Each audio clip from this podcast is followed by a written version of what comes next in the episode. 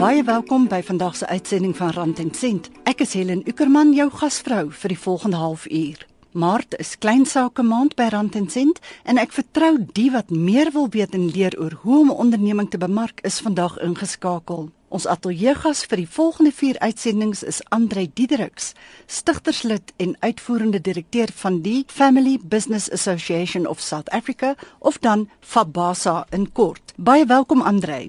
Dankie lekker om hier te wees. Andre is 'n kundige op die gebied van klein sake, veral familieondernemings en het meer as 1000 artikels in koerante en saketydskrifte gepubliseer oor sakeondernemings, geldsaake en leierskap. Net die regte persoon om vir ons meer te leer. Andre, kom ons val weg. Wat behoort die ware doel agter enige onderneming te wees? Wel, die primêre doel van enige onderneming of sakeonderneming dan natuurlik en selfs vir 'n bemarker is om natuurlik soveel moontlik wins as moontlik te maak. Maar jy moet ook sorg dat jy solvent bly en natuurlik 'n gesonde kontantvloei posisie handhaaf. Maar natuurlik die onderneming se doel moet natuurlik ook aansluit by die verbruikers en ook seker maak dat die verbruiker gelukkig glimlag aan die einde van die dag met wat jy vir hom doen. So dit gaan maar oor wins, dis waaroor onderneming gaan. Seker die grootste deel van 'n ondernemer se werk is bemarking. Kan ons bietjie gesels oor die 4 P's van bemarking? En die vier P's van bemarking is die sogenaamde bemarkingsresept waarvan ons praat. Dit moet nou maar produk, prys, plek en promosie. En dit uh, ontstaan natuurlik uh, vanuit jou markanalise of jou mark verstaan en dan moet jy hierdie resep saamstel. En die naam wat ons maar in bemarking al, algemeen gebruik is die vier P's vir sukses: produk, prys, plek en promosie. Hoekom is daardie bemarkingsresep so belangrik vir iemand wat sy eie onderneming bedryf? En hoe sou 'n mens te werk gaan om dit reg aan te pak? Ja, 'n onderneming het natuurlik 'n plan nodig. Jy weet hulle sê altyd as jy if you fail to plan and you plan to fail, jy het seker al daai uitdrukking gehoor. Inderdaad. Ehm um, die bemarkingsresep is, is is soos koekbak. Jy het sekere bestanddele as jy 'n koekbak Uh, en as jy natuurlik daai bestanddele nie reg meng nie, dan gaan jou koek vlot. Nou dieselfde gebeur met bemarking. Daar's vier bestanddele tradisioneel, die vier P's en as jy hulle nie almal aanwend nie, dan gaan jy iets afskeep en dan gaan jou bemarking jou bemarkingsstrategie nie eindig van die dag flop so. Jou bemarkingsstrategie is letterlik die hart van waar jy besigheid gaan en hoe jy hom uitrol en hoe jy jou bemarking doen. So dis baie belangrik. Nou, hoe sal jy bietjie uitbrei op elkeen van daai vier P's? Produk natuurlik gaan en ek sê altyd as ons praat van produk mense nie net dink aan die kernproduk nie, maar oor jou spesifieke produk of diens wat jy verkoop nie. In 'n kliënt of 'n verbruiker se kop is 'n produk die som totaal van wat hy beleef. Kom ek gee vir jou 'n praktiese voorbeeld. As jy byvoorbeeld 'n versekeringsbemarker is, dan van die advies tot die kernproduk sien maar lewensversekeringspolis wat 'n kliënt koop tot hoe daai produk presteer met ander woorde sy beleggingsprestasie en die naverkoopte dienste is die som totaal van wat die kliënt ervaar en dis eintlik die produk en daai hele waardeketting wat in 'n kliënt se kop plaasvind. As jy praat van pryse, is daar verskillende prysbeleide wat jy kan volg. Meeste van die kleinhandel volg byvoorbeeld net koste plus met ander hulle kyk na hulle kostes en dan sit hulle winspersentasie by. So dis een metode. Party ander mense besighede sal byvoorbeeld 'n prysnavolgingsbeleid volg. Met ander woorde, hy kyk wat die mededingers in die mark vra en hy volg dit eenvoudig daai prys by. Dis die tipiese ding. Jy kan ook 'n ding soos 'n prysafronbeleid kry waar jy met ander woorde in die mark ingaan en met 'n baie lae prys ingaan om om te kyk of jy nie meer volumes kan verkoop nie. Nou as jy praat van plek, die derde P natuurlik is dit gaan uiteindelik oor distribusie. Dis hoe maak jy jouself toeganklik vir die kliënt. Die maklikste manier vir die kliënt om by jou te kan uitkom, byvoorbeeld deur kettingwinkels deur die land te begin of seker te maak jy's in elke dorp of watter metode jy nou ook al volg. Jy kan dit deur die internet doen of wat ook al, maar hoe jy ook al jou distribusie hanteer, is waar dit plek gaan. En promosie is natuurlik bemarkingskommunikasie. Dis die ander naam vir vir promosie en dit gaan oor al die kommunikasiesmetodes wat jy aanwend sodat die kliënt die boodskap kan kry rondom jou produk of diens. Dit kan byvoorbeeld nie persoonlik wees soos byvoorbeeld advertensies, met ander woorde is nie van persoon tot persoon nie, of dit kan persoonlik wees van aangesig tot aangesig soos mense wat verkoop, waar jy direk van aangesig tot aangesig met die kliënt sien, maar dis basies waaroor die 4 P's gaan. Jy luister na Rand en Sent met Helen Ukerman op RSG 100 tot 104 FM. Ons gesels met Andre Diedericks, stigterslid en uitvoerende direkteur van die Family Business Association of South Africa. Ons onderwerp: bemarking en jou kleinsake onderneming. Verbruikers, die mense wat jou dienste of produkte aankoop, het dan hulle eie doelwitte wat daartoe lei dat hulle van jou produk of diens gebruik maak of dalk juis nie. Met watter oog behoort 'n ondernemer na verbruikers te kyk? En dit is 'n baie belangrike vraag wat jy vra. Ons het nou net gepraat oor wat is die primêre doelwit van die onderneming, is natuurlik om wins te maak. Jy weet ek sê altyd uh, in bemarking jy, jy gaan of bemark of bevat. So as jou definisie nou opbou byvoorbeeld net na die maksimum wins wat die onderneming maak sonder kyk na wat die behoeftes van die verbruiker is, dan is jy besig om te bevat, dan is jy nie besig om te bemark nie. Verbruikers se behoeftes is baie eenvoudig. Ondernemings is daar om verbruikers se behoeftes te bevredig. Die verbruikers se behoefte is juis om die regte produk op die regte plek en teen die regte tyd en die regte prys met die regte inligting te koop. En dit vat jou weer terug na jou 4 P's van bemarking toe. Die verbruikers se behoefte behoefte bevrediging agterneem kan ons ook sê dat bemarking alle aktiwiteite behels wat daarop gerig is om 'n goeie lewensstandaard vir die verbruiker te skep en te onderhou. Met ander woorde, die verbruiker moet glimlag na die transaksie plaasgevind het. Dit moet tot voordeel van die onderneming en die verbruiker wees en dis die wenresep. Wat is die verbruiker se doelwitte in hierdie proses? Die verbruiker se doelwit is dood eenvoudig om die regte produk, dit wat hy regtig nodig het, te koop teen die regte prys, teen 'n regverdige prys en uh, op 'n maklike manier wat toeganklik is vir hom met ander woorde jou distribusie moet in plek wees en met voldoende inligting soos jou bemarkingskommunikasie sodat hy 'n ingeligte besluit kan maak en nie verkeerde besluit kan maak jy moet dan weer maak seker dat die verbruiker ingelig is oor die besluite wat hy moet neem en dis die behoeftes van enige verbruiker is daai vier punte. Dis die doelwitte van 'n verbruiker wat hy wil hê So dit klink vir my dit is baie belangrik dat 'n onderneming 'n studie maak van die verbruiker, sy huidige of toekomstige klante. Jy weet verbruikersgedrag? Ja, jy is heeltemal reg. Dit is van uiterste belang. Ehm um, as jy jou verbruiker verstaan, jy moet ook jou verbruiker as mens verstaan. 'n Verbruiker koop nie net met sy kop nie, nie kognitief nie. Mense staan uit liggaam, siel en gees en al daai goeie se te impak. Jou kop is jou kognitiewe besluite, dit wat jy met jou verstand doen, maar jy koop ook affektief, jy moet emosioneel jouself verbind tot dit wat jy koop.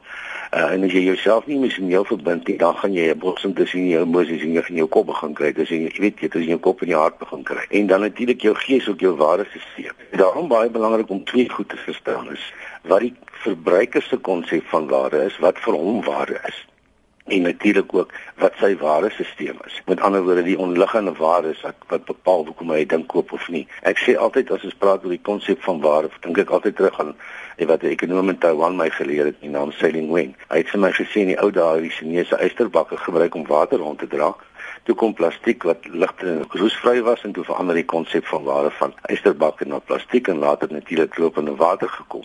So en dan oor die punt wat ek probeer maak is jy kan nie eysterbakke verkoop as al lopende water in die mark is nie. Die verbruiker se konsep van waarheid verander. So as jy nie jou verbruiker ken en verstaan nie, gaan jy nie weet wat sy konsep van waarheid is nie. Dis baie belangrik. Is daar 'n spesifieke patroon in verbruikersgedrag hoe hulle besluite neem? Daar's twee besluitnemingsprosesse waarvan ons praat. En jare terug het ouens met die naam Engel en Blackpool al hierdie goed ontwikkel hier in die vroeg 20ste eeu waar hulle gepraat het van die dit wat deur 'n verbruiker gaan wanneer hy besluite neem. Kom nie vir jou 'n eenvoudige voorbeeld.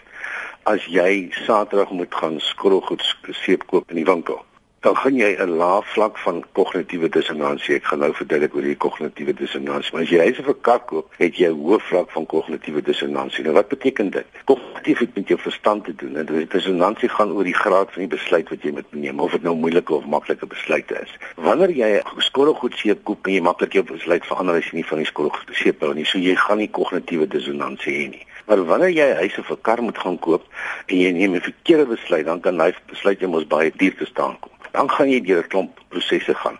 Byvoorbeeld my kar is nou oud en ek wil 'n nuwe kar koop en nou begin ek. Die eerste fase is natuurlik wat hulle noem die probleemerkenningsfase. Ek erken my kar is nou oud en ek het 'n nuwe kar nodig. Wat is die volgende ding wat ek gaan doen? Is die sogenaamde ondersoekfase. Ek gaan mos nou begin rondkyk na garages toe en ek gaan op die internet begin kyk en ek gaan met mense begin praat want ek doen nou ondersoek om uit te figure wat is die volgende kar wat ek moet koop. Nou het ek 'n klomp keuses gekry. Nou moet ek natuurlik 'n evaluasie maak van hierdie klomp keuses en ek moet besluit watter is die regte keuse.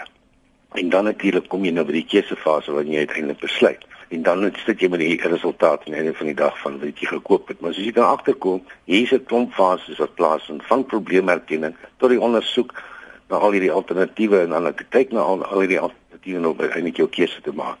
Dit is belangrik dat bemarkers moet verstaan waar die kliënte gaan wanneer hierdie soort van keuses maak. En dis basies die proses wat verloop. As jy nou pas ingeskakel het, jy luister na Rand en Sent op RSG met Helen en ons praat met Andre Diedericks oor kleinsake ondernemings en hoe om dit suksesvol te bemark. Andre, jy maak die punt dat die verbruiker eers die ondernemer as persoon koop en dan eers die produk of diens. Hoe steek dit in mekaar? Wel, is wel belangrik en ek natuurlik ons sê altyd mense koop by mense, nê. Nee. Jy moet jouself assosieer met die persoon met wie jy besigheid doen. Uh, ek sê altyd vir die mense jy moet in jou eie onderneming dink as 'n persoon. En dan moet jy daai persoon beskryf.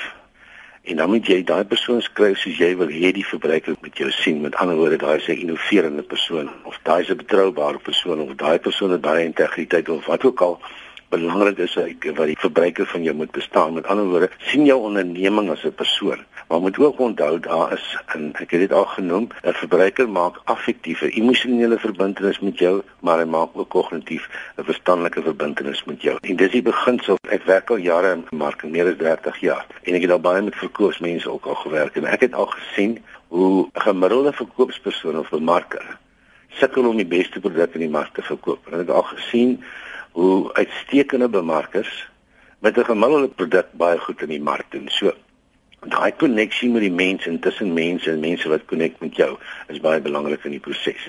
So ja, mense koop by mense al voordat hy jou produk of diens koop met jou as persoon eers koop. So die onderneming is eintlik jy. Dis hoe die verbruiker assosieer met jou. Natuurlik ja. Wat beïnvloed hoe hy jou onderneming gaan ervaar? Ja, dis heeltemal reg ja. So daarom sê ek dat bemarking is een van die belangrikste menseverhoudingssituasies wat bestaan. As 'n mens jou eie onderneming begin, is dit gewoonlik met die doel om geld te maak. Hoe belangrik is integriteit in hierdie proses? Dit is van kardinale belang. Die doel van 'n besigheid is om op die langtermyn te oorleef en te floreer. Dit gaan nie oor die hier en die nou en die onmiddellike transaksie nie, want dit is alles waarop jy ingestel is dan is daar nie integriteit nie. Dit gaan oor wat jy doen of wat jy skep in die markplek sodat jy oor 2, 3, 4, 5 generasies nog hier rond is. Om 'n onderneming te begin is een ding. En maar is heeltemal 'n ander ding om 'n onderneming op die langtermyn winsgewend te laat oorleef. En sonder integriteit gaan dit nie gebeur nie, want die markplek moet die integriteit van jou onderneming en van jou produk en van jou mense verstaan. Anders gaan jy nie op die langtermyn oorleef nie. Is eerlikheid en integriteit dieselfde ding? Integriteit, ek beskryf altyd integriteit as die koning van waardes. Hoekom sê ek so? Want integriteit sluit 'n klomp waardes in. Ek het in 'n vorige geleentheid het ek 'n vergelyking gemaak met integriteit waar ek gesê dat my dink aan die ou pausdom in die tyd van die paus jy weet in die Romeinse ryk was die paus was eintlik die baas gewees maar daar was 'n klomp klein koninkryke wat almal aan die paus gerapporteer het. Nou is dieselfde van die rondom die vraag van integriteit en eerlikheid integriteit sluit 'n klomp waardes in soos byvoorbeeld eerlikheid en konsekwentheid en betroubaarheid en verantwoordelikheid dis maar almal ondertone van integriteit. So ja dis nie die een of die ander nie. Die een is eintlik inklusief deel van die ander een. Dit hou dan sekerlik ook verband met 'n naverkoopdiens wat 'n mens lewer. Naverkoopdiens is natuurlik van van kardinale belang en dis iets wat baie keer gebeur word. Ek het nou nou gepraat oor kognitiewe dissonansie. Onthou jy waar jy ongemaklik raak met die besluit wat jy neem? Ja. Nou dis eintlik voor aankoop 'n kognitiewe dissonansie. Mens kry ook after sales blues, soos ons dit in bemarking doen. Wat maar eintlik na aankoop 'n kognitiewe dissonansie is. Met ander woorde, ek het nou hierdie kar gaan koop of hierdie huis gaan koop en nou is, is die besluit gemaak en nou begin ek myself konfronteer met het ek die regte besluit gemaak. Nadat die besluit geneem is, dan moet ons na aankoop 'n kognitiewe dissonansie. Nou, kyk vir jouself dink, as jy byvoorbeeld kom byvoorbeeld uh korttermynversekeringsbemarking. Nou verkoop jy hierdie korttermynpolis aan hierdie kliënt. Nou hoor jy die kliënt nooit weer van jou nie. Nou begin jy ongemaklik word na die tyd. Het ek nou die regte besluit geneem of het ek nie? Nou, dis hoekom jy in kontak bly met die kliënt van soveel waarde is want baie mense kan nie verstaan hoekom hulle 6 maande later hulle polisse verval of wat ook al gebeur nie. Maar daar word nie in kontak gebly met die kliënt nie. Daar is nie na verkope diens nie. Daar is nie na die verkope kontak met die kliënt en dan het jy 'n probleem. Jy moet met ander woorde verstaan jou kliënt lê in hierdie sales boost en maak seker dat jou diens nie daar ophou nie. Dis is al wat meubels verkoop op byvoorbeeld. Maak seker dat jy meubels verkoop het dat hulle reg afgelewer word. Bel die kliënt, maak seker dat hy gelukkig is dat al die meubels nog reg is soos ooreengekom het en daai soort van ding. Dit lok kliënte weer om terug te kom in jou besigheid toe. So, naverkoop diens is eintlik 'n pilaar wat jy gebruik om kliënte weer terug te bring in jou besigheid. Jy's by Rand en Sent op RSG 100 tot 104 FM en ons gesels met Andre Diederik, stigterslid en uitvoerende direkteur van die Family Business Association of South Africa. As jy nou pas ingeskakel het en wonder waaroor ons tot dusver gepraat het of as jy nog 'n slag wil luister, laai gerus die program se potgooi af in MP3 formaat by rsg.co.za. Andre, wat moet 'n mens as ondernemer weet van die verbruikersbeskermingswet. Verbruikers raak immers toenemend bewus van hulle regte. Ja, nee, kyk ons praat van vandag en weet nou nie wat die Afrikaans, ek dink seker verbruikerswese, maar die woord consumerism kom ons mos nou baie sterk na vore wêreldwyd. En dis belangrik dat ou dit moet verstaan dat jy sal agterkom dat wetgewing of regulasie rondom besigheid is besig om aan sien toe te neem in die wêreld. Ons verwys ons daarna sommer as corporate governance of die regte Afrikaans daarvoor is korporatiewe beheerstrukture en Suid-Afrika moet ons wetgewing aanpas by internasionale standaarde alle lidlande moet. So sit ons nou met 'n nuwe maatskappywet van April 2011 en wat jy nou net na verwys het, die nuwe regulasies in die verbruikersbeskermingswet in Suid-Afrika wat ook in April 2011 begin is. Dis alles uitvloeisels van wat wêreldwyd gebeur. Die vraag is wat moet 'n onderneming weet van die verbruikerswet? En dit is verskriklik belangrik dat ondernemings moet gaan en hierdie verbruikerswet moet gaan bestudeer. Daar is verskriklik baie nuwe aspekte, heeltemal te veel, jy weet om op so 'n program oor te kan praat waarvan hulle moet kennis neem. Maar genet veel enkele voorbeelde noem, byvoorbeeld goed soos afkoelperiodes mense is nie noodwendig gewoond daaraan nie. Jy weet selfs in eiendomstransaksies vandag nadat jy geteken het, het jy afkoopprede, jy kan met ander woorde jou jou gedagte verander binne 'n sekere tyd afhangende van waar die industrie is. Interessante ding, ja, en ek dink mense van kennis neem, is byvoorbeeld dat weet ons het altyd gepraat van voetstoots, né? Ja. Jy dan nou voetstoots verkoop want dink jy is nou veilig reg om voetstoots verkoop. Jy kan in effek met die nuwe regulasies nie meer eintlik iets voetstoots verkoop en daar agter gaan wegkruip nie, hoor.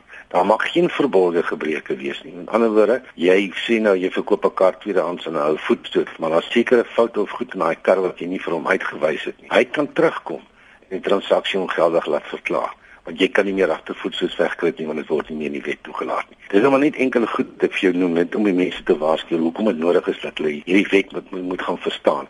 En die belangrikste ding wat hulle moet verstaan is al wat hierdie wette doen is om etiek en besigheid te probeer afdwing. So dis altyd in die guns van die verbruiker om seker te maak die verbruiker word word goed en reg hanteer.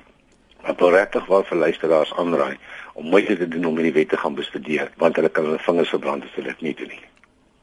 Maar ons het nou verwys na produkte soos tweedehandse motors.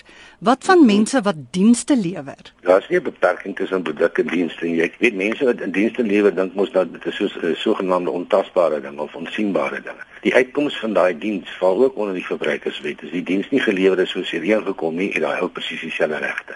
En kan sy geld terug eis vir die diens wat gelewer het, selfs met dinge soos konsultasies, nie? Waar jy ons konsulteer oor verskriklike goed. As daai konsultasies nie uitwerk soos voorheen gekom nie, dan kan jy jou geld terugkry. En waarskynlik nog meer as dit terugkry vir die tyd en die moeite wat gemors is in die proses. So, hou nie dink dit gaan nie oor tasbare produkte nie, hoor.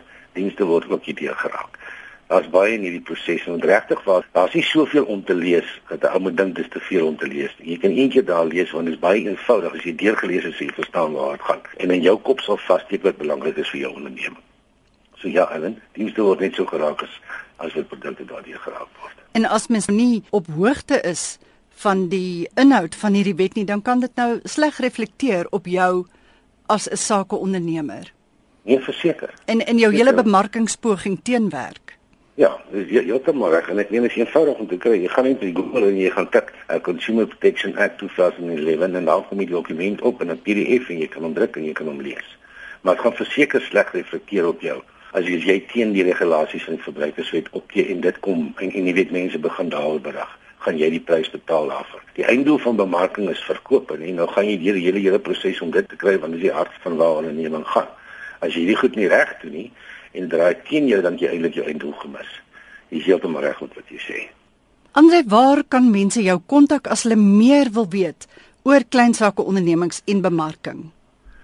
Wel, die uh, mense kan vir my e-pos stuur by AWDiedriks. Ek spel net A W D I E D E R I C A S en dit is aan die kanie by mweb.co.za en my selfoonnommer is 082 45 33 288. Ek gaan dit net gou herhaal.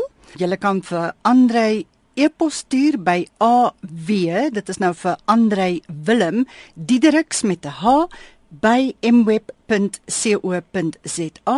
of bel hom op sy selfoon 082 4533 288.